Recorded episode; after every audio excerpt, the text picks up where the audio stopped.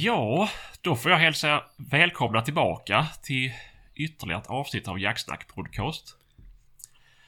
Idag är det jag, Sebastian, vi har med oss Kristoffer, för en gångs skull. Och så har vi Patrik med oss. Och idag har...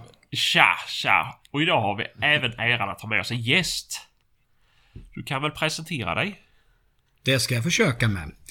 Eh, Thomas Ekberg heter jag. Eh, och eh, för er som inte vet vem jag är så har jag jobbat ganska så mycket med att producera ett jaktfilm under, jag tror det är 30 år i år faktiskt, har vi hållit på med det. Och sen jobbar jag yrkesverksamt med jakten för övrigt då i alla former så att Ja, kort presentation men ja. ni, ni, får gärna fråga mig. Det är svårt det där att tala om vad man, vad man har gjort. Jo, men det är det väl. Det är det väl. Men du har ju haft en del program på TV4 Plus och Sport. För de som har sett dem. Just det, det har du rätt i. Det, det har ju varit ett x antal. Jag, jag har ingen aning men det, det, är ganska så många program där och vi börjar ju TV-karriären får vi säga, eller när vi fick jakt i TV då. Det var ju faktiskt, jag tror det var 2003 på TV4 Plus och då hette det Jakt och Fiske. Och där var jag med och medverkade som så kallad jaktexpert i det programmet. Ja, just det. Fint namn. Ja, ja. ja det, det är väl inte fel att få. uh, ja, nej, men vi säger så här. För er som inte känner till Thomas då. Uh, så har ju ni en podcast. Ja. Diana Stiga. Den kan ni gå in och lyssna på. Och det finns ju även på Youtube numera. Också under namnet Diana Stiga. Uh, så har vi gjort lite reklam för er med. Tack och bock, det ja. stämmer bra. Välkommen! och avsnitt ett på podcasten är ju ganska bra prestation utav Ja, dels dig men också din kollega Mikael ju. Mm, så mm. Att, uh, vi har varit sambos i 30 år. Vi har ett långt förhållande. har ni? Ja. Ja. Jo, men det är ju alltså, ja. Egentligen kanske vi, alltså från början trodde vi inte vi skulle behöva ha en introduktion.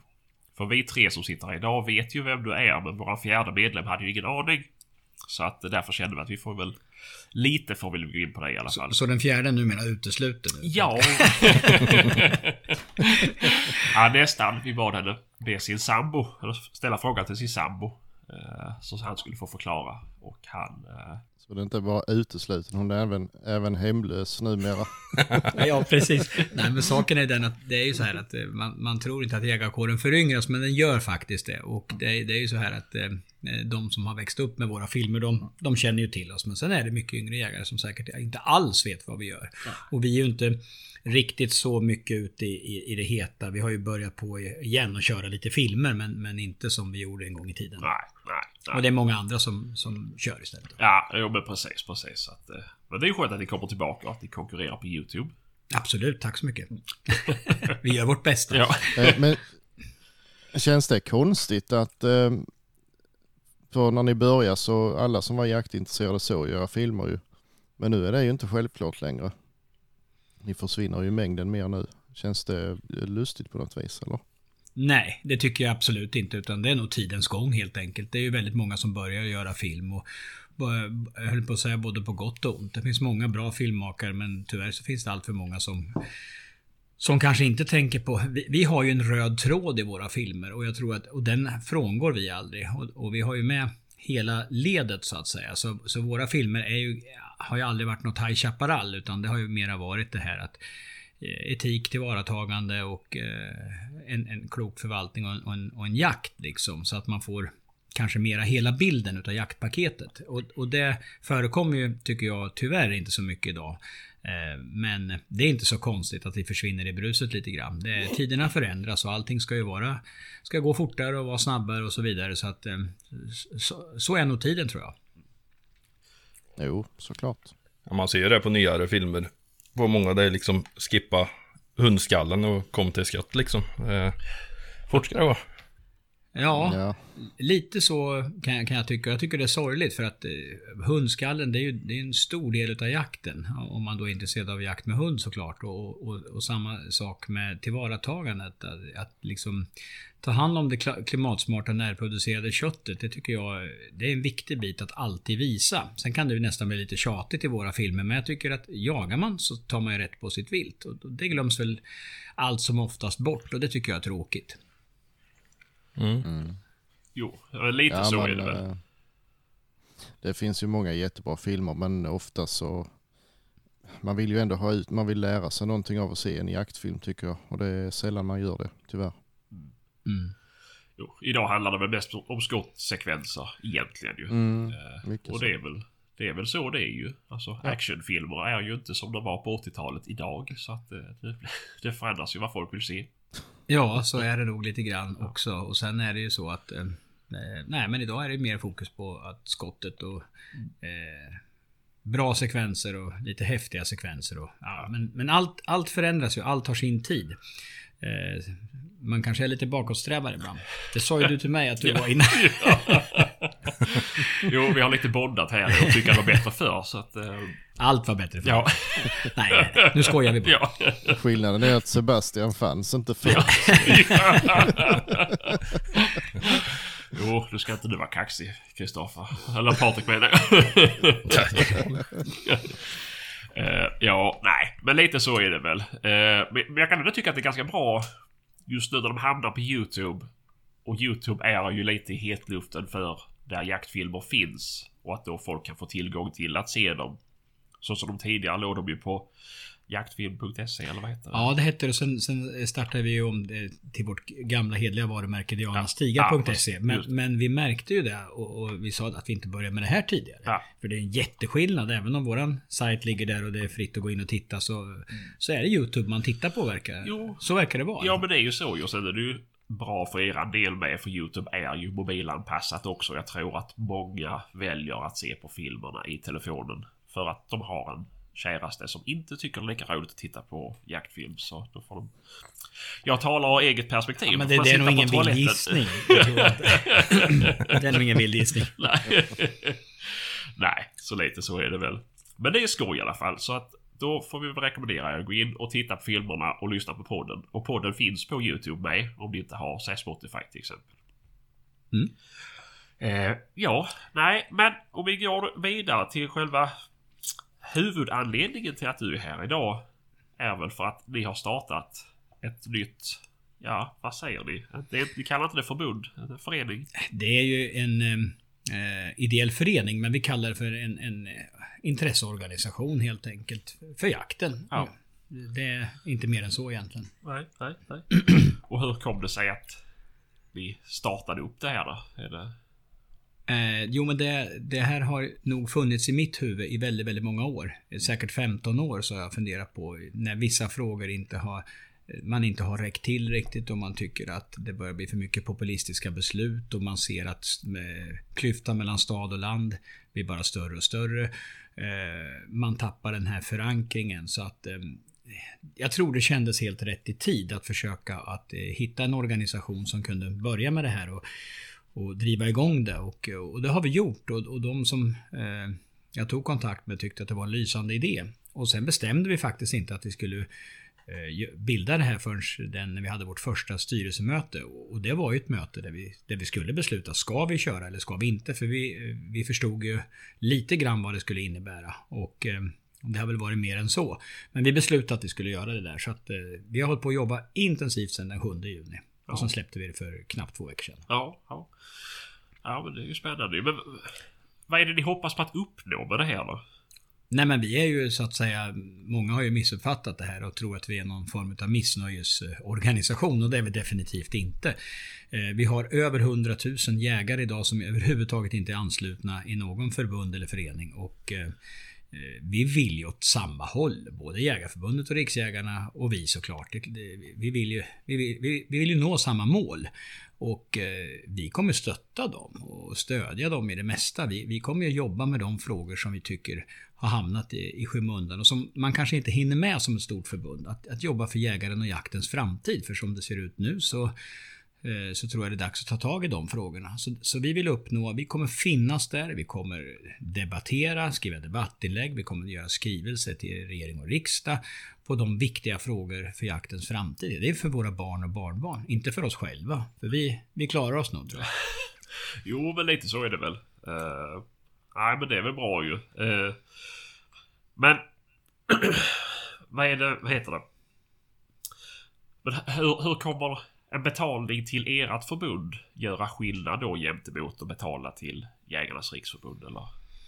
Är det... Nej men det kommer ju inte, eh, att jag vill säga så här att eh, eh, desto fler medlemmar vi är, det är ju egentligen så vi bygger det. Vi, vi tar inte emot några statliga bidrag för då, är, då går du där i ledband och kanske måste göra eftergifter.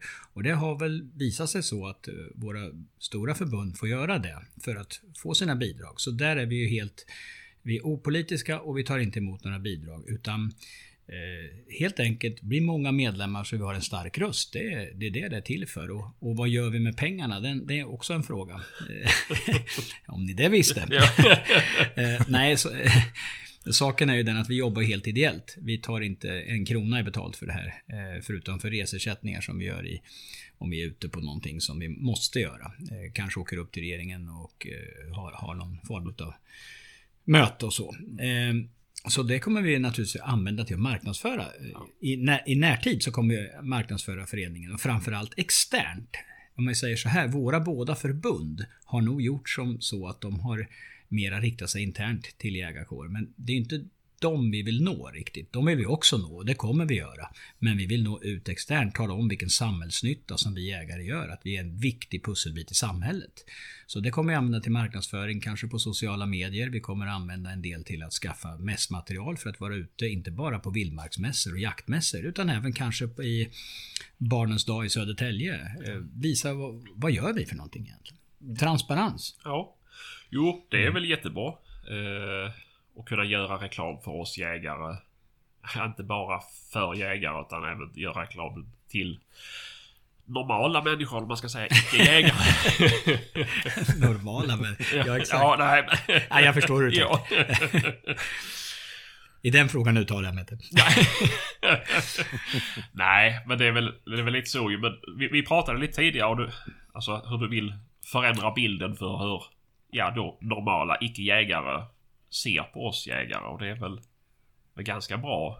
Och när vi kommer till eftersöksbiten och hela det här mm. att folk får upp ögonen för, för att det faktiskt är också i princip ideellt arbete och gå trafikeftersök. Ja, det, det är det ju och vi, vi håller på och grottar i den frågan just nu så att man ska väl inte gå händelserna kanske i förväg och så att man säger för mycket men i grund och botten så är det vi själva som betalar för, för eh, till oss själva den lilla peng vi får via eh, olika avgifter och jaktkortet bland annat där. Ja. Så att eh, vi, vi har väldigt mycket att ta i. Det är 61 000 eftersök efter väg. Eh, människor som jobbar nattetid, specialister med det, som jobbar med det här som inte har något skydd eller någon form av försäkring överhuvudtaget utan eh, gör det här mer eller mindre frivilligt. Och där vill vi i grund och botten eh, komma fram till att det ska finnas ett kollektivavtal. Och det är ett farligt arbete efter väg som ja. alla andra organisationer har. Så det är en stor hjärtefråga som kommer att komma. Ja, ja. Och, eh, alltså, nu vet jag inte om du kan svara på det här, men är det här en sak som Jägarförbundet och Jägarnas Riksförbund arbetar med idag? Eller är det någonting som hamnat i skymundan som Eh, ja, alltså det här. Vi vill ju att Jägarförbundet och Riksjägarna ska organisera de här eftersöken via Nationella viltolycksrådet såklart. Det, det vill vi, så vi kommer stötta dem i det. Så våran förening är ju inte ute efter att få några uppdrag, alltså säga att vi vill ha något allmänt uppdrag eller sköta eftersöken, eh, organisera det. För det har vi två starka förbund som kan. Och vi vill ju också att Jägarförbundet ska få, få tillbaka det allmänna uppdraget och jobba med det. Så vi kommer ju vara en stöttepelare till dem. En, en, en spelare till på banan helt enkelt. Mm. Desto fler vi är som vill nå samma mål, desto bättre kan, kommer det att bli. Ja, tror jag. Ja, ja. Eh, men, ja, vad säger man? Eh, vad är liksom... Vad är det ni vill uppnå då egentligen? Vad tänker jag? Alltså vad är... Vad, vad är era hjärtefrågor i det hela nu då? Förutom att ja, vinna över icke-jägare. du menar kanske så kallad motståndsrörelse? Ja. Eh, extremister. Ja. Har vi ett, egentligen ett fåtal, de hörs väldigt mycket. Ja. Och kanske kommer vi vara just den förening som kommer vara motpolen till dem. Mm. Vi kommer att jobba hårt med väldigt mycket debattinlägg. Vi kommer att eh, hela tiden jobba med skrivelser till regering och riksdag. Vi kommer att bjuda in Eh, Eh, när vi har gjort våra skrivelser, både Jägarförbundet, Riksjägarna och i viss mån också LRF och, och fråga om de vill vara med på tåget. Vi kommer erbjuda dem det såklart. Så vi kommer alltid ha en hand öppen. Eh, och, och tyvärr så tror jag väl att det har blivit så till en början nu att man eh, ser oss som en konkurrent. Eh, och det är väl en ganska naturlig reaktion att man vänder taggarna utåt. Men över tid så är jag helt övertygad om att de kommer tycka att det här är väldigt bra. Och har man förstått det här riktigt och rätt så vet man att eh, det, här kan, det här kan bara vara positivt för, för samtliga inblandade. Mm. Ja. Svarar jag på frågan? Nej, det är ett sånt där politikersvar. ja, nej, men det var väl inte fel svar ändå ju. Eh, men det var väl bra att ni fick det sagt att ni inte vill sno medlemmar. Eh, och det har jag väl ändå hört dig säga i eran podcast med att gå med i alla förbunden. Alltså... Mm. Men att ni då försöker ja. vara det jobbiga som inte behöver förlita sig på att politikerna står på eran... Eller att ni ska sitta i politikernas ficka eller vad man ska säga. Eh, utan att ni ska kunna vara den där lille bölden i röven som, som stör. Till. Eh, Eh, eh, precis. Va? Ja. Vi, det är ju ganska så lätt att det blir så att man går armkrok och, och gör eftergifter. När man, dels måste man ju lyssna på sina medlemmar och det är väl det vi kommer att göra. Vi kommer att ha örat mot marken och, eh, och lyssna på vad, vill vi? För vi är ju liksom en, en, förening som, det är ju medlemmarna som äger föreningen. Vi är bara en ja. styrelse som driver det här än ja. så länge. Och det kommer att bli årsmöten och allt, allt detta. Vi kanske kan återkomma till det sen. Men, men Eh, Eh, det viktiga är ju ändå att vi, vi visar att eh, vi samtliga vill gå åt samma håll och, och, och, och som sagt var vara med i alla organisationer. Sen är det ju så här också att eh, vi är ingen missnöjesorganisation, men det finns väldigt mycket missnöjda medlemmar i Svenska Jägareförbundet, i Jägarnas Riksförbund. Och det är ju naturligt. Som tycker att det här är skit. Nu kommer en ny organisation, så nu stöttar vi dem. Så att det, det, är klart att de medlemmarna, de plockar ju vi över till oss. Ja. Men det är inte så att vi, vi är ute för att sno medlemmar, utan vi tycker att man ska vara med i alla organisationer. Men det är ju också viktigt då att våra stora förbund börjar och kanske bete sig på ett rimligt sätt och sluta med de här interna stridigheterna som eh, gör att man inte ser skogen för alla träd. Och, och, det är väldigt viktigt. Det är ja. stora organisationer, tungrodda. Vi är ju en organisation som är lättvänd. Vi är ju liksom ingen prom på Suezkanalen. Vi är en motorbåt. Så vi kan ju vända. Eh, oftast är det så att i stora förbund, och desto större man blir och har mycket olika mindre eh, organisationer i organisationen så att säga, så, så blir det mycket viljor. Mm. Och det är svårt att vända skeppet. Det ja. krävs ett årsmöte, så det tar egentligen ett år för att ja, göra ja. ett beslut. För oss krävs det tre dagar. Ja, ja. Men vi tänker att vi kommer upp i ett sånt antal som Jägarnas Riksförbund och säga Hur blir det då? Kommer det fortsatt vara en motorbåt? Eh, eller kommer det också gå över till att bli en, en prom? Eh, då skulle vi kunna faktiskt bli en Finlandsbåt. nej, jag skojar. eh, eh, Åbo. Ja. Nej, men alltså, nej. Målsättningen är ju faktiskt att vi ska fortfarande vara motorbåten. Ja. Det är det som är poängen med det här. Att vi ska, vi ska vara en liten styrelse. Vi ska lyssna på våra medlemmar. Vi ska fatta beslut på våra årsmöten såklart. Men vi, vi ska kunna eh, jobba med de här frågorna som är viktiga. Och det är de vi ska ha fokus på. Och det kommer vi ha hela tiden. Sen kanske det dyker upp eh, nya frågor och andra saker. Och ja. vi kanske kommer att eh, över tid också växa in i, i, i lite andra frågor än, än, bara jakten och jägarens framtid. Kanske ja, vissa saker. Men ja. det är ingenting som man kan svara på idag. Nej. Och ehm, Eh, än så länge så är det så att eh, Jägarnas Riksförbund har 34 000 medlemmar och de är åt, över 80 år gamla. Vi är eh, 12 dagar och vi har 1500. Så visst, ja. Eh, den här takten då kan det ju funka bra. Men ja, ja. jag tror ju ändå att på någonstans så finns det kanske ett tak. Mm. Men, och, och, det är också viktigt att säga. Och, att eh, vi är ju ingen förening som har ett trollspö och som vi viftar med att nu förändrar vi hela jägarsverige. Och det är inte det som är målsättningen att kunna göra heller. Men vi kommer hela tiden att finnas, höras. Eh, vår röst kommer aldrig att tystna. Vi kommer att vara med i debatten, vi kommer påverka så att vi har en framtid för jakten och jägarna och framförallt också landsbygden. Vi har fått väldigt mycket landsbygdsbor med i bevetningen som har gått med i det här. För vi jagar ju på landsbygden ja. så att... Mm. Ja, så kommer det funka. Ja, ja, ja. Än så länge. Ja, ja men det bra ju. Eh, men... Kommer ni att våga um, vad ska man säga, säg saker som inte medlemmarna kanske vill höra. För de andra förbunden är ett väldigt pluttenuttande och man får inte, alltså man är ju rädd om sina medlemmar på kanske lite för hög grad tycker jag.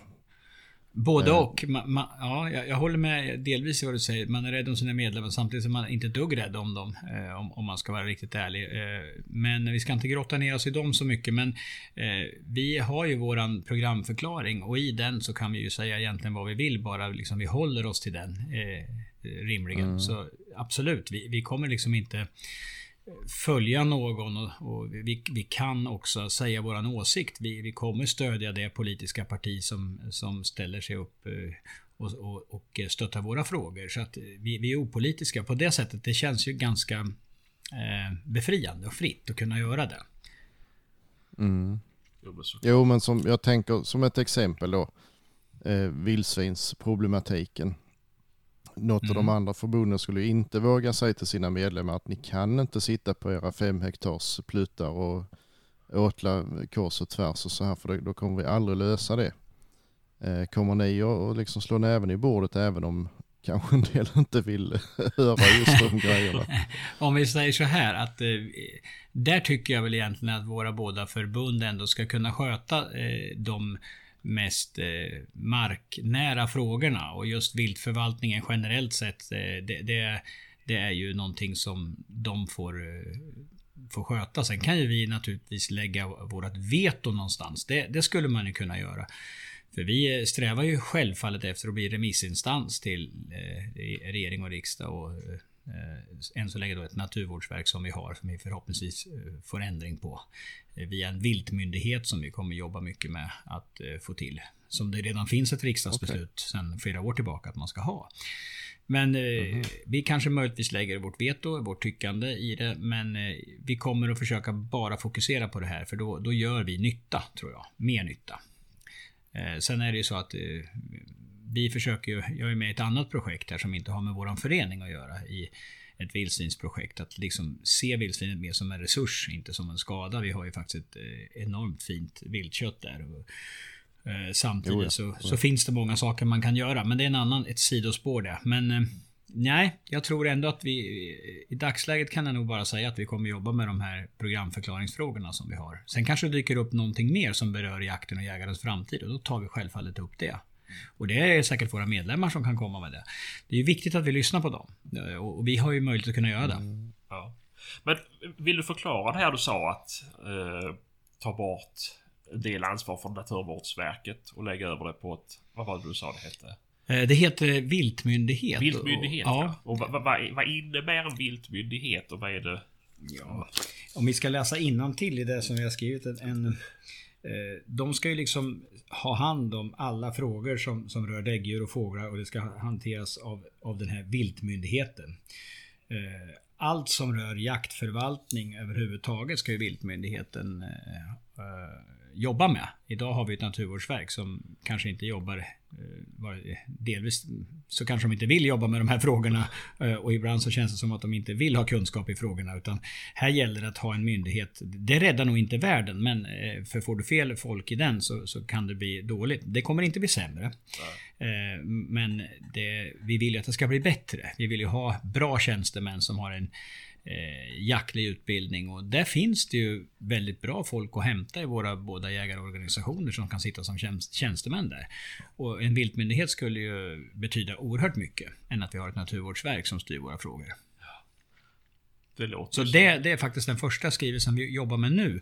Och vi hoppas att den ska vara färdig till, inte kanske till riksdagens öppnande, men i september någon gång. Det är den och sen är det paragraf 28 som vi vill liberalisera. Och sen eh, det här med gynnsam bevarandestatus på framförallt varg vill vi ju titta på. Eh, självfallet. Vi, vi tror att vi behöver en ny oberoende forskning på det, givetvis.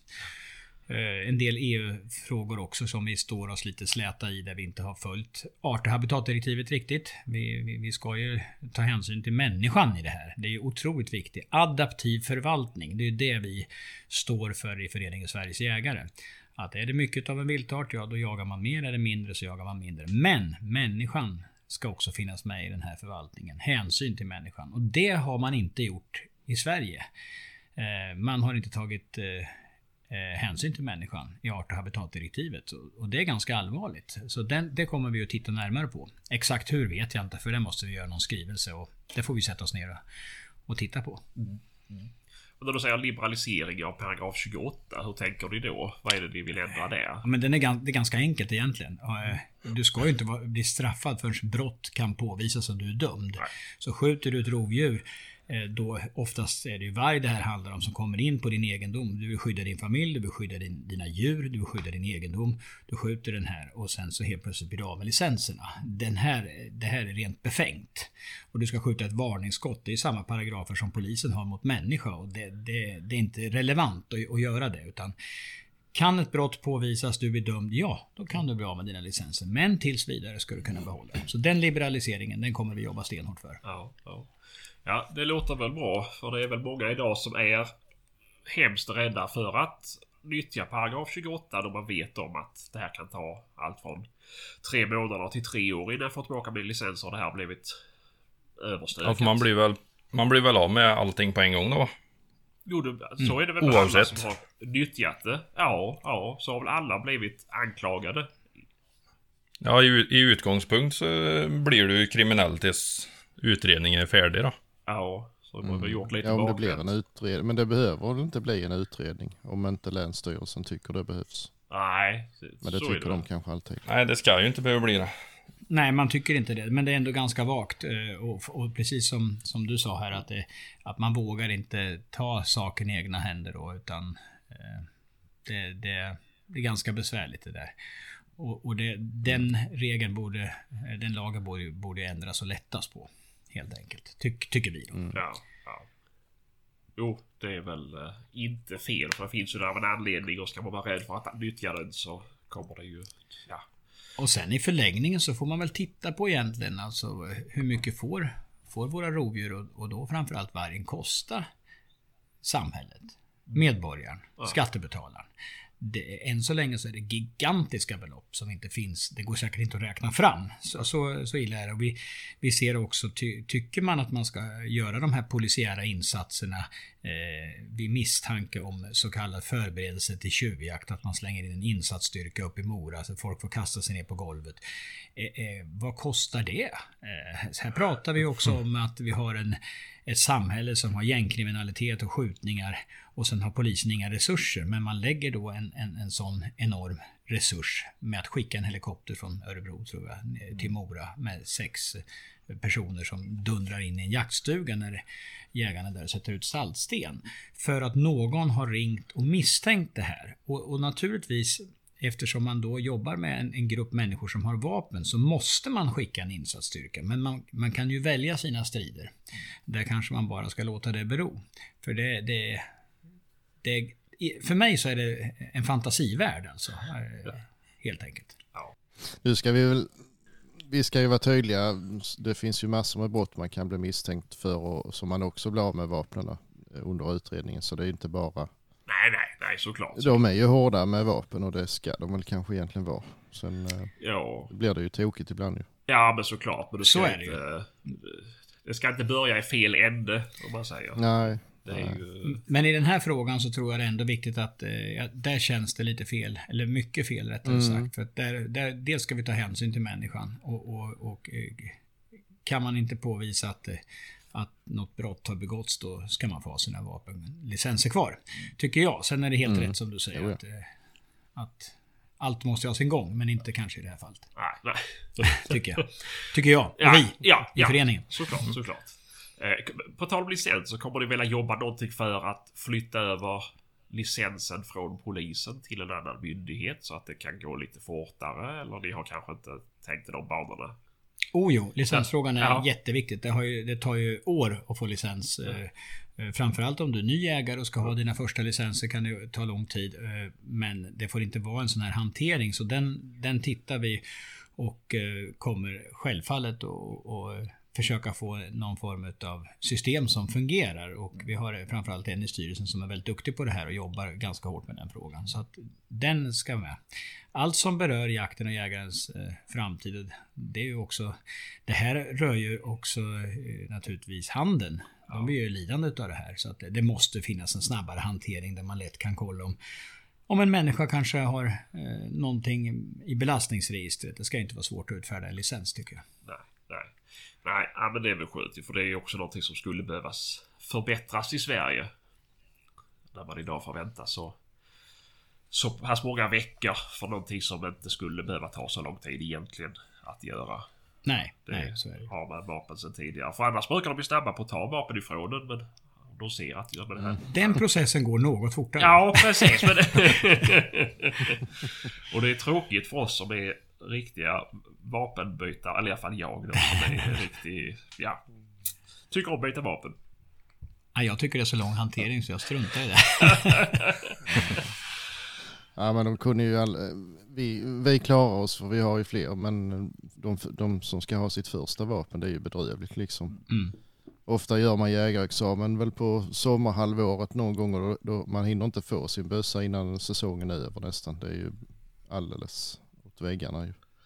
Ja, fullständigt bedrövligt. Så att det, den, det är en av våra frågor som vi jobbar med. Men de tre första som vi har bestämt nu att vi ska köra, som vi tycker är viktiga, det är ju alltså, naturligtvis är ju rovdjursfrågan en väldigt central fråga. Men, jag vet att eh, Jägarförbundet frågar om vi, vi, vi eh, tror att vi ska lösa vargfrågan. Eh, då önskar vi lycka till. Och jag säger så här att eh, den ska inte vi lösa utan den ska vi tillsammans försöka få en förbättring i. Och det viktiga anser jag, det är ju inte vilken förening eller förbund som löser frågan utan att frågan blir löst. Och där tror jag man måste eh, jobba mycket hårdare. För att i, i rovdjursfrågan så har vi inte kommit någonstans kan jag tycka. Eh, sen eh, eh, vi fick eh, ett högt numerär utav framförallt varg då. Nej, nej. Nej, för visst har du varit med i det här tidigare och haft en grupp tidigare. som var lite mot varg. Ja, fast det, ja, det vart ju också lite så att eh, man läste nog mellan raderna. Eh, Vi är definitivt inga varghatare. Vi hatar inget vilt och gjorde inte självfallet då heller, utan vi ville väl där försöka få eh, politikerna till förhandlingsbordet. Så vi föreslog då en så kallad eftersöksbojkott eller eftersöksstrejk eller vad vi kan kalla det för.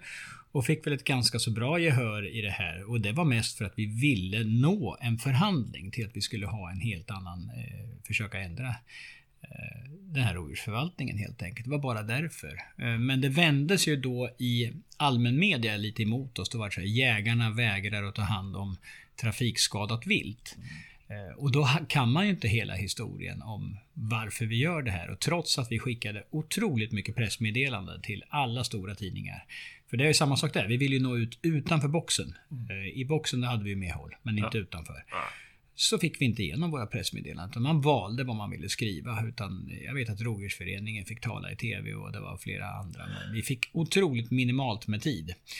Och där hade vi ju, det hade varit lite lättare då om, om eh, vi hade, vi hade ju ett jättestöd från de flesta organisationer. Tyvärr så var det faktiskt vår största organisation, Svenska Jägareförbundet, som inte ville ställa sig bakom att vi skulle göra en, en så kallad eftersöksstrejk. Och det kan grunda sig i att eh, man, man får lite för mycket politik i sin verksamhet. Sen säger inte jag att eh, alla, alla bestämmer ju själva i sin organisation vad man gör. Men, men eh, jag tror kanske att våra, vårt samhälle hade sett annorlunda ut idag om vi hade nått ända fram. Men definitivt var det inte så att vi gick ut med någon nollvision på varg, utan vi ville ha en klok förvaltning med ett så litet numerär som möjligt för att den ska kunna överleva i 100 år. Alltså gynnsam bevarandestatusen och det var den vi ville också undersöka då. Eh, Och vi, det visade sig, vi gjorde sen ett brukardokument tillsammans, vi i den här Svenljunga-gruppen, som vi lämnade över till dåvarande miljöminister Lena Ek, som åkte med det här till Bryssel. Hon tog med sig hela det här kompendiet och eh, använde de mesta delarna i det. För vi hade ju faktiska siffror. Och det var inte... Det, det var fakta på riktigt. Eh, men eh, det gick inte så bra. Utan eh, hon gjorde säkert vad hon kunde, men vi är där vi är idag. Men det stämmer, det hette ju Svenljunga-gruppen. Ja, ja, ja. precis. Nu gjorde jag en jättelång historia. ja det gör ingenting. Du är duktig på att prata så att det är bara skönt för oss också. Kul man är bra på något. Ja, nej, men, men, men så i vargfrågan, vad är det ni... vad- Vad är ert mål? Vad är ert, ert mål? Ni säger att ni har ingen nollvision. Eh, Men vad, är målet ni vill komma fram till? Nej, men målet är ju helt enkelt att vi vill ha ett så lågt numerär som det bara går att ha. Utan att vi ska, eh, att vargen ska dö ut eh, inom 100 år. En gynnsam bevarandestatus där. Och eh, sen, sen vill vi ju naturligtvis att människan ska räknas in i det här och, och det har den inte gjort. Man tar inte hänsyn till, till landsbygdsbefolkningen som, som lever tillsammans med rovdjuren. Så att eh, det är ju en jätteviktig fråga det här. Sen kommer det ju aldrig nå kanske riktigt ända fram dit man vill. Men kan vi nå någonstans? Kan vi få ett lägre numerär än vad vi har idag? Som vi, vi förmodar att eh, Eh, det definitivt inte behövs det vi har idag såklart. Eh, det får ju forskningen visa så, självfallet. Då. Så, så, har vi ju kommit ett steg närmare. Så jag tror den här rovdjursfrågan, den kan man inte bara sätta sig ner och banka och slå och säga nu ska vi inte ha någon varg. Fy fan. Det, det går inte. Och, och, så kommer vi inte jobba. Och en nollvision är inte bra att ha för du kan eh, Dels så, så, kanske man inte vill det i grund och botten, eller vad man nu vill i grund och botten eh, vet jag inte riktigt. Men Eh, börjar man med noll, då hamnar man i en väldigt dålig förhandling. Man kan inte gå in och förhandla med noll. Och det är kanske är därför Jägarnas Riksförbund har lite problem i den här frågan. Jag tror att man skulle vara betjänt utav att eh, säga ungefär samma saker som vi säger. Mm. Mm. Jo, det är ju svårt att gå ut med, med att man vill ha en total utrensning, utrotning. Alltså det är ju... Då kommer man ju få få icke-jägare med sig på sin sida i alla fall. Man säger så. Ja, sen blir man inte inbjuden till någon förhandling. Nej, det precis. Det, då är man ju bara den som står och skriker. Eh, ja, nej. Men det är ju för väl ju. Har har ni kommit fram till något någon siffra eller på antal vargar som skulle behövas? Nej. Jag gör inte om den tavlan igen.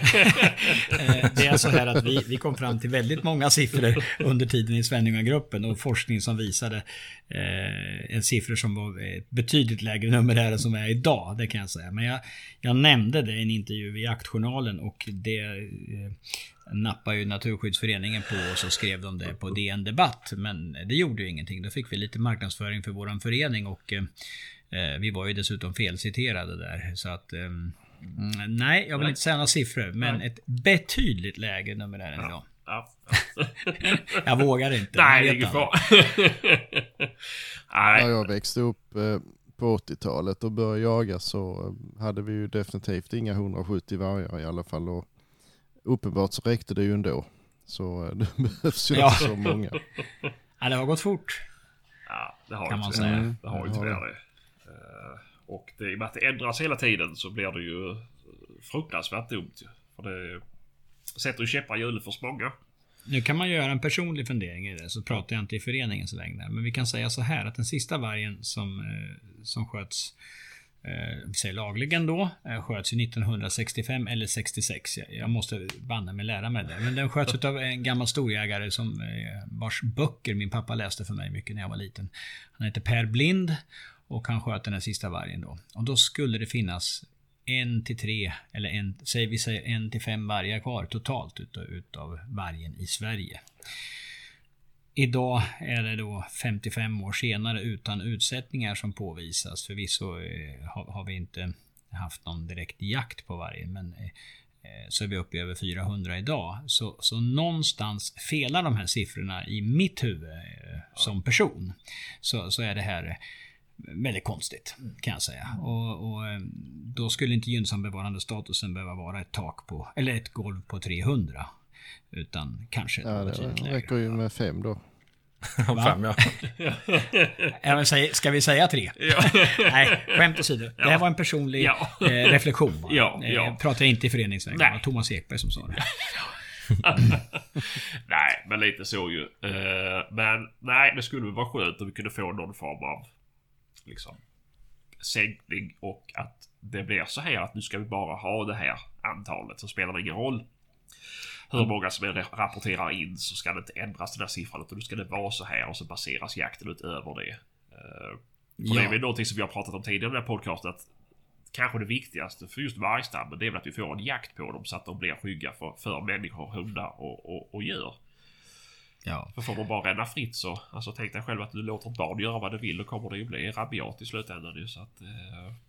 Ja, det är helt sant. Eller en hund eller vad ja, som helst. Exakt, men, men, men framförallt så, så, ehm, så är det ju så här att vi ska ha en förvaltning på allt vilt som går att förvalta. Och där ingår ju eh, varg och, och björn och så vidare också. Det ingår i en, en, i en viltförvaltning. Ja. Mm.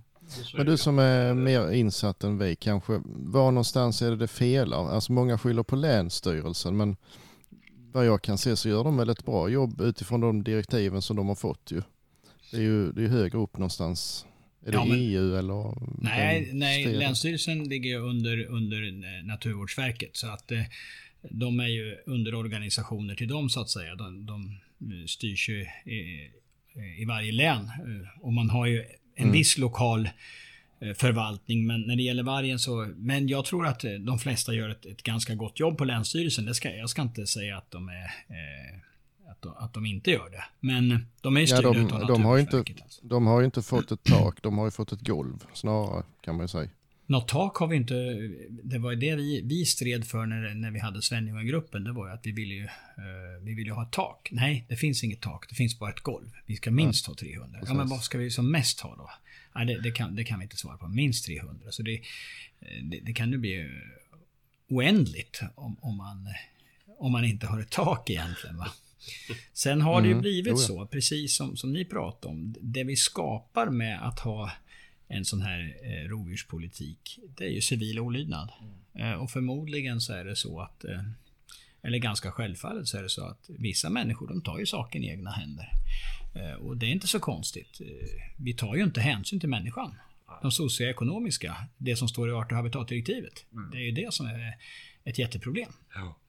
Jo men så är det ju. Det är ju... Alltså, Men eh, jag var otydlig, men alltså det, kan riksdagen i Sverige liksom ändra det här eller måste man förhandla upp i EU och sådär också för att kunna få någon ordning på det? Eh, nej, alltså jag ska inte grotta ner mig för djupt i det. Men, men det finns ju en, en, eh, en, en mall, ett art och habitatdirektiv som eh, är EU-styrt. Men varje medlemsstat har ju rätt att kunna eh, göra en, en form av förvaltning på det här. Så, så är det ju. Eh, så att det ska ju kunna gå att eh, ändra eh, kan jag tro med riksdagsbeslut såklart. Oh ja, det, det är jag helt övertygad om. Det är ju viljan. Att, eh, och, Ja precis, jo man, man skyller ju på att man inte kan och så vidare. Nej. Så det är, för, Det är ju obekvämt, enkelt. förmodligen. Precis, det är enkelt att skylla Ja. på EU. Men, men saken är ju den att det som är jobbigt i, i, i vårt land Sverige, det är ju att vi har politiker som fattar beslut, sen har vi tjänstemän som jobbar med dold agenda. Och så länge vi inte har något Mm. tjänstemannaansvar, för det kan vi inte påstå att vi har, då, då är det svårt att lösa frågor överhuvudtaget. Anser jag. Ja. nej. Det är... Tyvärr lite så ju. Ja. Ja, nej. Eh... ja, nu fastnar jag på varg, men det är väl inte fel. Eh... Men då kan jag värva med er som medlemmar nu i våran förening. Då går ni in på fsi.nu. Det är busenkelt, till och med jag klarar det. Och jag är dålig. ska Ja. Hur gör man då? Eh, Man går in på fsi.nu och sen så står det medlem till vänster. Klickar man på den och så fyller man i sina uppgifter och sen så är man medlem. Och så får man ett medlemsnummer på sin mail. Ja. Och sen har vi ju eh, över tid nu så kommer vi få lite medlemsförmåner också. Det, det viktiga i våran förening tycker inte jag är att få massa saker utan det är att vi gör någonting för framtiden. Ja, ja. Jo, men lite så är det väl. Eh... Och det är väl inte fel. Vad är det det kostar? Två, 200 kronor. 200 kronor? Ja. ja det är väl... Det är ju som en och en halv pizza. Ja, ja men lite så. Ja. Lite så. Det... Nej, men det är viktigt. Jag säger det än en gång där. Det är ju, det, vi, vi bygger vår organisation på att vi blir många. Det är det som är målsättningen. Och, eh, vi har ett, li, ett litet mål här att nå några hundra till så är, då kommer vi ju självfallet söka som remissinstans också i alla jaktliga frågor. Ja, ja, ja. Ja, ja men det är väl bra. Eh, vi ska ta en annan fråga. Mm. Eh, jakttider. Mm. Har ni, liksom, eh, har ni funderat någonting över det? Att ni vill ändra på någonting eller återinföra någonting? Eller ni lämnar det till de andra? Kort svar nej. Det har Nej. vi inte gjort. Nej. Däremot så kan man ju ha egna funderingar. Ja, Det ja, kan man ja. Eh, Men den frågan eh, har vi inte tittat någonting på. Den Nej. lägger vi nog, bordlägger vi nog så länge i alla fall. Ja, ja, ja. Men om jag frågar dig som eh, Thomas Ekberg istället Ja. då. Vad tycker du om eh, jakttiderna vi har just nu? Och de nya vi har fått? Ja, jag har ju bara grovt tittat på det. Det, Ja. var ju, det är ju väldigt mycket arter som man, man får kika på då. Eh, jag kan väl tycka att en hel del är helt okej alltså. Eh, vi flyttar ju älgjakten åt ett, ett fast datum. Där försvinner ett gammalt kulturarv och en tradition. Andra måndagen i oktober är just forget it. Eh, det kan ju vara tråkigt. Myset i jaktstugan försvinner. Eh, Det kan ju vara bra både på gott och ont. Men eh, nu har vi älgjakten den 8 oktober. Och, och det är väl helt okej tycker jag. Det är väl Ja. inget så. Men det är väl att, att den här gamla eh, hedliga kulturen försvinner lite grann. Andra måndagen i oktober, det är ett heligt datum. Eh, Men sen kan jag väl tycka att det finns många saker som är positiva. Eh, Dovviltet har ju ökat i numerär där det finns mycket av och där kan du då skjuta eh, i och för sig både hind och, och kalv ända fram till sista mars tror jag det var. Kalv tycker jag är okej, skjuta hindarna. Det, det går ju också, ska man ha ner stammen så måste man ju skjuta, skjuta hind, så är det ju. Och har man då skjutit kalven så kan man göra det. Sen ska man ju veta att de har väldigt långt gångna foster i sig. Sen får du även då jaga kalv i september. Det fick du göra i skyddsjaktsreform förut, men idag får du ju skjuta eh, handjur och kalv i första september. Och det, det är ganska små kalvar då, men, men du får göra det om man säger så. Ja, Jag vet inte vad jag tycker riktigt, men... Alltså det är nog varierande. Det är precis som all annan förvaltning.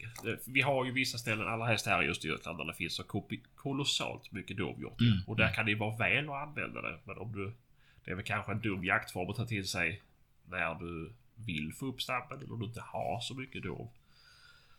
Eh, så det gäller väl att använda det på rätt sätt. Sen har du ju väldigt lång jakttid Ja, ändå. så blir det. Men där tror jag väl nog faktiskt att folk eh, klarar, för det är ju samma som rådjurskid för då så skjuta Ja, just det. eh, i september. Och det är det ju ingen som gör. Eh, inte någon vettig människa i alla fall. Nej. Så det, det tror jag nog inte blir något jätteproblem faktiskt. Nej, det tror inte jag heller. Det, det, det är inget som väcker debatt. Däremot så finns det ju andra jakttider som väcker enorm debatt. Ja, jag vet inte om du vågar röra vårbox. Jo då, jo då Ja. det, det gör jag visst. Jag vågar det mesta vet Ja. Jag är helt obunden. Jag är med i den här föreningen, Ja, men det är politiskt oberoende. Så att, eh, jag kan tala för egen sak då här. Och det är ju så att vårboxjakten är, det har varit ett läger för och ett emot. Ja. Eh, och jag kan väl tycka båda dera i det också. Eh, eh, biologiskt sett, inga konstigheter. Det går jättebra att jaga vårbock från första maj. Däremot så är det ju så att eh, jag tror att man måste utbilda jägarna, framförallt de yngre jägarna som tycker om det här som en eh, jakttradition. Eh, vi har, vi, man ska ju veta att vi fick ju vår, vårboxjakten i Sverige på grund av Tjernobylolyckan. För det var hög cesiumhalt i, i köttet på hösten. Så att det är ju egentligen ingenting som vi i kulturen har. Men eh, man har det ju i Danmark och så vidare. Man, man har ju också sett att deras rådjursstammar inte är de bästa. Nej.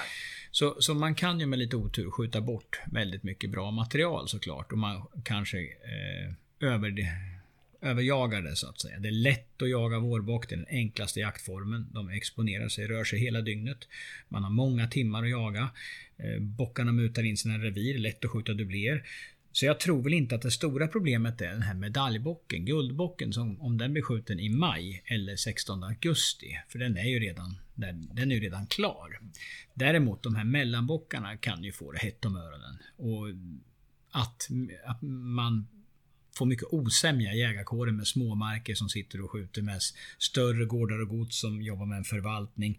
Ska spara dem. Så det, det kommer bli mycket stridigheter. Men här har ju Jägarförbundet och Jägarnas Riksförbund en jätte jättegrej att jobba med. Jobba med en, ut, man utbildar jägarna hur, hur man ska jaga vårbock helt enkelt. Annars är det ju kul att vi får en, en lång jakttid, så får man se det i den änden då. Och, och ungdomarna tycker, tycker om, man får upp ett intresse kanske på ett annat sätt. Men man måste vara försiktig och man måste veta vad man gör. Eh, Så jag tror att eh, ett utbildningspaket, Ja. det skulle kunna lösa väldigt mycket av den här, den här hetsen för och emot. Absolut. Eller vad tror ni? Jo, det är väl... Alltså, jag vet vi har ju gått in på det lite grann i den här podden ju. Uh, grejen är väl... Oron vi känner, det är väl egentligen att... Ja, folk saknar den här utbildningen och att det lätt blir så här att du skjuter istället för att den ska gå över till grannen och bli skjuten. Och så överskjuts det överallt för att folk känner som press. Eh, och där är väl problemet i Sverige gentemot, ja, och som är i Danmark då. Eh, men som man jämför med, med de andra, alltså eh, våra sydliga europeiska länderna. De har en tilldelning och de har större arealer. Eh, de inte får jaga på spårplättar som vi får göra i Sverige. Mm. Eller Danmark. Då är det ju lättare att hålla en förvaltning. Sen, sen har ju inte vi det här i vårt kulturarv, vårboxjakt. Så det är Nej. inte så, kanske så jättemånga som ändå nyttjar det. Eh, Får man väl säga. Sen kan, ju, kan det bli fler jägare över tid som, som utnyttjar det, yngre jägare framförallt. Då. För det är en bra start eh, som ny jägare. Man får se mycket, man kan liksom få lugna skott och så vidare. Så att, eh, på det sättet är det jättebra. Men som sagt, man liten brasklapp där för eh, småmarker, gränser, osämja, mellanbockar som skjuts en, enkelt att jaga. Det, där har vi väl de tuffa bitarna. Såklart, såklart. Ja, nej. Vad skulle du säga Patrik? Ja, nej, nej, det har jag sagt innan. Jag, jag, jag är väl inte för det, men å andra sidan så har jag ingenting emot att dra ner en bastbock från unghund i, i januari så att jag kan liksom inte uttala mig. Jaha, att, du har eh, lite dubbelmoral alltså. Nej, ja, nej, faktiskt inte. Just därför så säger jag ingenting om det. Nej, Sen kan man ju faktiskt, vill man viltförvalta, jag har jagat jättemycket vårbock. Eh, oh ja, många, många gånger. Och, eh, där, där det var, där Tjernobyl hade lämnat sina spår då. Och eh, då höll vi oss till, eh, till fjolårskid alltså. Eh, Bastbockar som var upp till öronen. Lite misstag gjordes väl då och då, men, men 90% sådana. Och då funkar det ganska så bra. Ja, och sen tycker jag faktiskt att då är man så orolig för att grannen ska skjuta sönder, då får man faktiskt gå dit och prata med dem och försöka hitta en gemensam strategi. För det, det behöver vi göra i alla fall. Ja. Jo, men jag tror det är väldigt viktigt att vi alltid försöker samförvalta över gränserna så mycket man bara kan. Samarbete, det leder ju bara till någonting gott. Så jag håller med dig på att det är helt, helt klart kan det vara så. Sen, sen tror jag ju som sagt var att rätt utnyttjad så är det ju en fin jaktform och biologiskt sett inga hinder att jaga. Men kan man hålla sig till, till, till det då, då... är- För egentligen för mig har det aldrig varit... Har jag, jag har aldrig varit troféjägare även om det finns... Äh. finns ja, ja, men det, fin, det finns sitter i troféer. hans Men, jaktstuga här och det finns inte en centimeter på någon vägg utan troféer. jag har jagat så länge så det måste ju bli någon, någon gång. Men, men det, är inte, det har aldrig varit mitt huvudmål. Utan en jaktsituation för mig är spänningen. Eh, jag menar, ko och kalv på ett ståndskall och när klockan är tre på eftermiddagen innan solen går ner så lyckas jag skjuta kalven. Det är ju en jaktupplevelse som är enorm. Än att jag råkar skjuta en stor tjur som går förbi ett pass. Eller att jag skjuter kanske att jag smyger och försöker skjuta de här små pinnbockarna med bast då i, på vårbocksjakten. Så jag får den här jaktliga upplevelsen. För min del personligen som jägare så har ju det varit att utmana viltet på så lika villkor som möjligt. Det är det jag tycker är jakt. Eh, Så kan man, kan man tänka så lite då, då kan det nog gå skapligt. Tror jag. Ja. I min värld. Men visst, eh, ska man, det finns ju ett antal personer som är extremt duktiga på att få fram fina bockar och ingen utav dem säger ju att vårbocksjakt är bra. Så ska man lita på det så är det ju dåligt. Men som sagt, jag har ingen uppfattning direkt. Nej, men du, du har rätt i vad du säger och det är ju framförallt de som hörs. Och det, det får man kanske då förstå. De, man har det här som en, en eh, näring, som en inkomstkälla. Att man har ett större Mm, område ja, som man förvaltar. Och så vill man spara bra bockar för att få jägare att komma och skjuta de här. Och Mm. det är klart att det, det är ju inte så kul. Eh, Så sitter någon i någon gräns och skjuter någon bock där. Men har man, ska man förvalta en, en rådjursstam, då måste man ha väldigt stora arealer för att kunna eh, nyttja den här eh, möjligheten. För att, eh, Jo, ja. så att jag vet inte. Det, det är väl klart att de inte är glada att grannen får skjuta en guld när man hade en tysk jägare som hade betalat 35 000 för den. Så det är klart att det, det blir man lite trött kanske. Men det är inte så eh, de flesta jägare har det. Utan de, vi tittar på gemene man. De Nej, har en mindre mark. Ja. Låt dem jaga då. Men ta det, gör det med förstånd. Jo, det är som all annan jakt ju. Måste ju tänka snäppet längre också. än Bara kröklingen av fingret. Eh, jo, nej men... Ja, vi...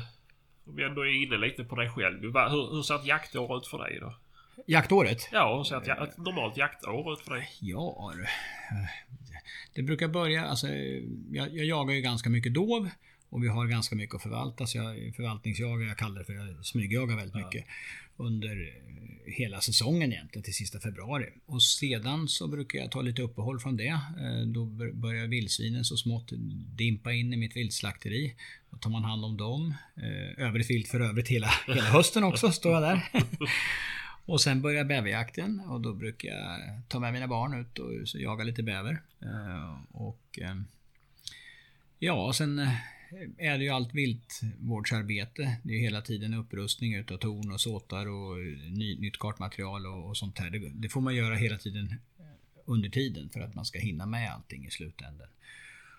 Och sedan så drar det igång. Ringduvorna är jag igång på nu. Det är en jaktform som jag tycker väldigt mycket om. Eh, väldigt kul. Eh, så jag jagar en hel del ringduva nu. Det. Däremot nattjakterna är ju inte min starka sida. För jag är ju morgonmänniska. inte alltså jag somnar ju om jag ska ut. Så, så inte så mycket nattjakt för min del utan eh, det här vildsvinsjakten i, i spannmålen. Visst, det händer väl att jag går ut men ofta så kan de yngre sköta det och det gör de så bra. Och det är kul att de vill det. Ja. Så kan jag ta hand om djuren sen istället. Eh, Och sen är det vår bockjakten och sen filmar vi under tiden under säsong också parallellt med att jag har mina säljjaktsarrangemang och lite sådana saker. Så att ja, det går för runt. Ja. Jag tycker nästan aldrig att man är ledig.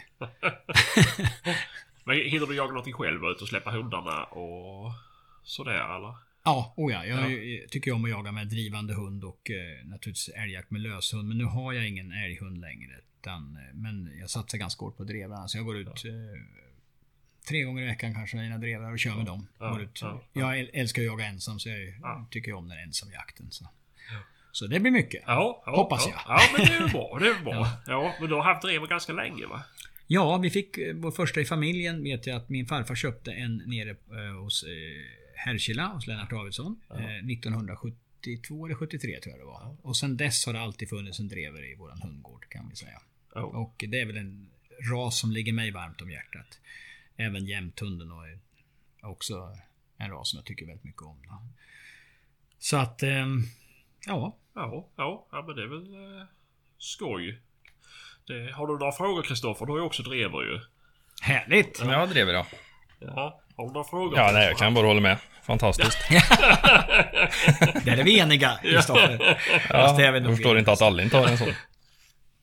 Nej, nej, jag förstår inte det. Eh, Jag menar förr var det ju Nej. klyschande lär, lär känna din hembygd, köp en drever. Fast jag tycker att... eh, Eller skaffa en drever då. Men jag tycker att det funkar ändå rätt bra. Jag kan inte säga att jag blåser av dem, men... men Ja, min är tätt. Jag vet inte hur det är med, med dina.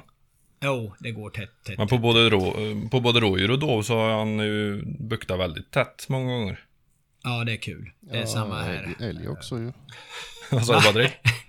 Älg också. Älg också? Ja, ja. Ja, men det gör de i början. Jag tog min unghund här på en 20 minuters drev på en älgko faktiskt. Eh, Men det var första, enda och förmodligen blir det sista gången också. Efter han inte, eller hon inte jagat någon älg. Nej, min kommer fortsätta jaga älg, det är jag helt säker på. Okej. Ja men vi fick ändå stå på den eh, rätt så snabbt sist ju. Ja, det, Sen att det låg en älg också. ja, det är ju en annan femma. En annan femma. Det gör väl inte lättare att få en älgren kanske. Men... När man skjuter Nej. för den. Men...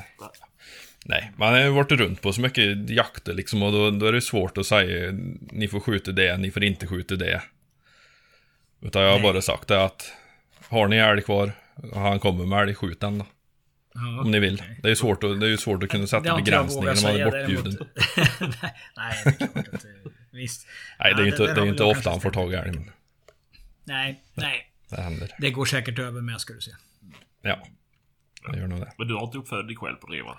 Jo, jag har faktiskt en tik som jag ska eh, ta valpar efter som, Ja. är, som är riktigt bra tycker jag. En Ja, av de det. bättre jag haft faktiskt. Och, och sen har jag en ung hund som är lovande. Så det, målsättningen är att eh, få lite dreveruppfödning, ja. Ja, I, ja. I mindre skala. Ja, ja, ja. Ja, det är ju spännande ju. Ja, lite projekt får man ha. Ja, men såklart. ja, nej jag vet inte. Är det någonting mer vi vill ta upp? Eh, har ni några frågor? Tills man kan jämt komma på rätt upp och ner nu. Min hals är ju helt igengrodd, det är därför jag har varit lite tyst då. Jag har suttit i aircondition i, i tre veckor nu. Usch, ja, det Min är semester. Det är inte bra. Alltså för att vara tjatig, vildsvinen. Vad, vad fan ska vi göra? Alltså, vi har haft eh, vildsvin i snart 30 år nu och vi, vi står ju fortfarande på ruta ett nästan. Mm. Ja. Men det är ju så här att det, fin- det, finns ju, det finns ju en hel del man kan göra. Men det, det gäller ju att ha ett samförstånd mellan lantbruk och jakt där. Och, och det är väl det. Jag har myntat ett uttryck som inte finns i akademins ordlista som heter kommunikationsförvaltning. Och jag tror att det Ja. skulle hjälpa oss ganska så mycket. Framförallt när man jagar grupper på, i spannmålen. Att man, eh, när man har fått bort, bort en grupp, att man tar kontakt med sina grannar och säger nu, nu ska ni passa erat. Och, och sen eh, lite, lite sådana saker. Och, och, och att man är aktiv och att man eh, låter framförallt marklösa jägare då, som inte har någon, någon jakt få jaga. Eh, ge dem en, en, en, bra skaplig utbildning på hur man jagar vildsvin och sen låter dem få jaga så att man begränsar skadorna. Men vildsvinen är svår att hålla efter. Det är ett nattaktivt djur det, och mm. eh, man får ju ligga i. Eh, men jag tror med kommunikation så tror jag ändå att man kan komma ganska så långt. Nu säger inte jag att det är nyckeln till alltihopa såklart. Men, men eh, att skilja på åtel och, och foderplats och så vidare. Eh, det, mm. det är viktigt att man lägger de här åtlarna som man jagar på i närheten av där de gör skada så att man kan statuera exempel, hålla dem ifrån det. Och, och ge dem friden i skogen. Att ha någon form av mindre foderplats där de kan få vara. Och där ska man ju skita i dem helt enkelt. Men mm. visst, vildsvinen har ju en eh, snabb förökning. Det, det, är ju bara så. Eh, den kan ju öka flera hundra procent på några år bara. Eh, och det beror ju inte på myten att de får flera kullar varje år. För det, den tar vi bort på en gång. Det är en biologisk omöjlighet. Mm. Utan det man har sett är ju så exempelvis att en... Säg att en, eh, en kulting, kultingen blir överkörd av en långtradare. Så blir suggan ren. Hon har inga kulter. Då faller hon i brunst igen. Och sen så blir hon mm, betäckt. Mm, och så tycker man då att oj. De kan i gynnsamma förhållanden ska sägas. Då kan de få eh, tre kullar på två år. Och de äldre suggorna, mm. det är de som föder många. Eh, de mindre gör ju inte det. Men å andra sidan, de får ju rätt många och de är duktiga och får dem att överleva. Så det är ju svårt att... Det är svårt det här. Eh. Sen har vi ju, sen har vi ju foderspridare också, de föder ju grisar. Det är ju känt. Ja, vildsvinsägg. Ja. Vildsvinsägg, ja. Det, det, kan de göra. vildsvinsägg. Så, så lägger de sig bara där och så blir det små kultingar. Ja, exakt. Ja, exakt. Det, blir det kan vara sockerbetor, vet du. En sockerbeta gör en gris. ja. Nej, men alltså det är, det är viktigt egentligen det här också. Jag har själv använt sockerbetor, men man ska ju inte använda processat foder helt enkelt. Det ska ju vara naturligt foder ja. egentligen.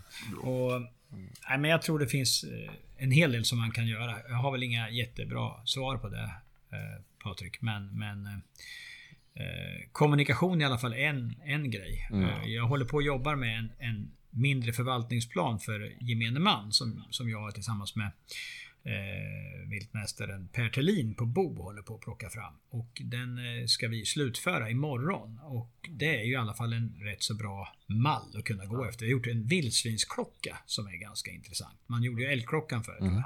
Och nu har vi gjort en vildsvinsklocka. Och, och där så man vet lite hur ska vi göra med vildsvinet? När ska vi hålla efter den? Vilka årstider? När ska vi passa den? Och så vidare. Lite sånt. Mm. Kanske ändå kan vara ett steg i rätt riktning men det är nog mycket som krävs Patrik. Mm, ja visst, jo men många har ju liksom någon slags manisk eh, övertygelse om att det är antalet individer som styr alltihop. Det är det ju faktiskt inte. Alltså, ska du lösa alla problem genom att minska antalet individer då måste du ju minska dem till noll ju. Mm. Och det får vi inte lov. Så att, eh, det det, man måste ju börja någon annanstans. Nej, sen gäller det också att försöka göra den här sunda förvaltningen. Alltså, vi, vi har ju fått den här mm. kanske missförstådda bondepraktikan, skjut suggan för helvete. Mm. Eh, och, och mm. det, det, är ju absolut det sista vi ska göra, för det blir bara problem. Eh, absolut. Så att, det är också, alltså rätt individer, eh, vara ute i, i rätt grödor, rätt eh, eh, under vissa årstider. Och att man kommunicerar med varandra. Jag tror att man skulle ja. gynnas otroligt mycket av en samförvaltning. Ja. Jo visst. Jag har precis gått med i ett nytt jaktlag nu och jag har pratat med bonden och sagt att nu måste du ringa till mig så fort du ser ett bök eller jag måste ha reda på vad du ska så på de olika ställena. Sådär. Mm, mm. Och han, han stod ju som en fågelholk liksom. För det har han aldrig hört talas om att man ska behöva ha sån kontakt med och det är 2021 alltså. Det, jag tycker det är för dåligt alltså. Vi inte har kommit längre. Nej men det är jätteviktigt tycker jag. Jag tror att det är otroligt mm, viktigt att utbilda ju... lantbrukarna i, i det här också. Att ja, vi, man, ja och jägarna får... med ja. faktiskt. Ja, så att eh, vi får väl se vad, vad, vad, det här projektet vi har nu leder till. Men vi ska ju försöka få med LRF på det här tåget så att de kan anamma det. För jag tror att det är jätteviktigt. Mm. Ja, att jo men det är det ju. Och det är viktigt att de Får veta hur, ja att LRF får veta lite riktig fakta. Ja men det, det, är, nog, det, det är väldigt ja. viktigt i alla sammanhang. Att man, har, att man kör med fakta. Så mycket fakta man kan. Jo men så är det ju. För att just lantbrukarna litar ju fullt ut på LRF och struntar ju fullständigt i sig, Jägarnas Riksförbund vad de kommer ut med för, för mm. förvaltning. Och det, mm. där blir ju felet ju. För där är ju förespråka fällfångst av vildsvin. Ja. Du skulle aldrig tro att det är någon som kommer att släppa ut en ledarsuggare och fälla. Utan den kommer att dö i den fällan. Eh, och då har du skapat ännu mer problem till exempel. Eh, så, Ja, alltså det, det... Ja, det är ju en jättekomplex fråga. Vildsvinsförvaltningen, det, det, det får jag ju lov att säga. Ja. Men jag tror att vi riktar oss i- internt igen. Vi, vi, vi vill utbilda jägarna hela tiden. Vi vill utbilda hur ska vi jaga? Vad ska... Jag tror vi ska utbilda lantbrukarna, eller markägarna som, som arrenderar ut sina, sina fastigheter. Hur ska vi förhålla oss till det här för att vi ska få så lite skador som möjligt? Om vi börjar i den ändan, då tror jag vi kan komma ganska långt. absolut, absolut. Ja. Ja, det är Men, väldigt säkert. Men Mount Everest går inte på en dag. Nej, men man, man kanske ändå ska börja med jägarna så att, så att vi vågar stå på oss lite mer. För många kommer till en bonde och så säger han skjuter allt. Jaha, okej, ja. Det var inte riktigt så jag hade tänkt mig, men jag får väl göra det för annars får jag ju inte jakten här. Lite, s- nej men du har rätt Patrik. Lite, lite så är det. Och, och skjuter du inte allt som rör sig då, kan, då blir du av med jakten. Och, och, då, Mm. och då är vi ute i fel väg, Ja. ända igen. Ja. Eh, Så det är inte Ja, lätt. visst, och- tar jag en snus. Ja, men det gör du rätt i. Jag ska snart ta det också. Ha en? Nej, ja, jag har löst det. Du har löst det. Men, ja, nej, jag vet inte. Hur dags skulle du åka till... Jag ska vara där klockan kvart. Jag måste strax åka. Ja, Jag ska åka och ta att- min andra spruta. Just Fantastiskt. det, just ja. det. Det hör du Kristoffer, det är inte farligt. Och, jag ska vara på kalas nu, 25 minuter härifrån. Se ja. där du. Ja. Så jag är också bra med i tiden. Ja, men då kanske vi ska runda av här så får vi tacka så jättemycket. Eh, så får vi väl köra något fler avsnitt framöver. Det hoppas jag och tack så jättemycket för att jag fick vara med. Ja, Jättekul. Ja, ja, det var bara roligt. Så. Ett, eh, ett sanningens ord på slutet bara. Ja. Det är bara käbbel. Det är bara käbbel.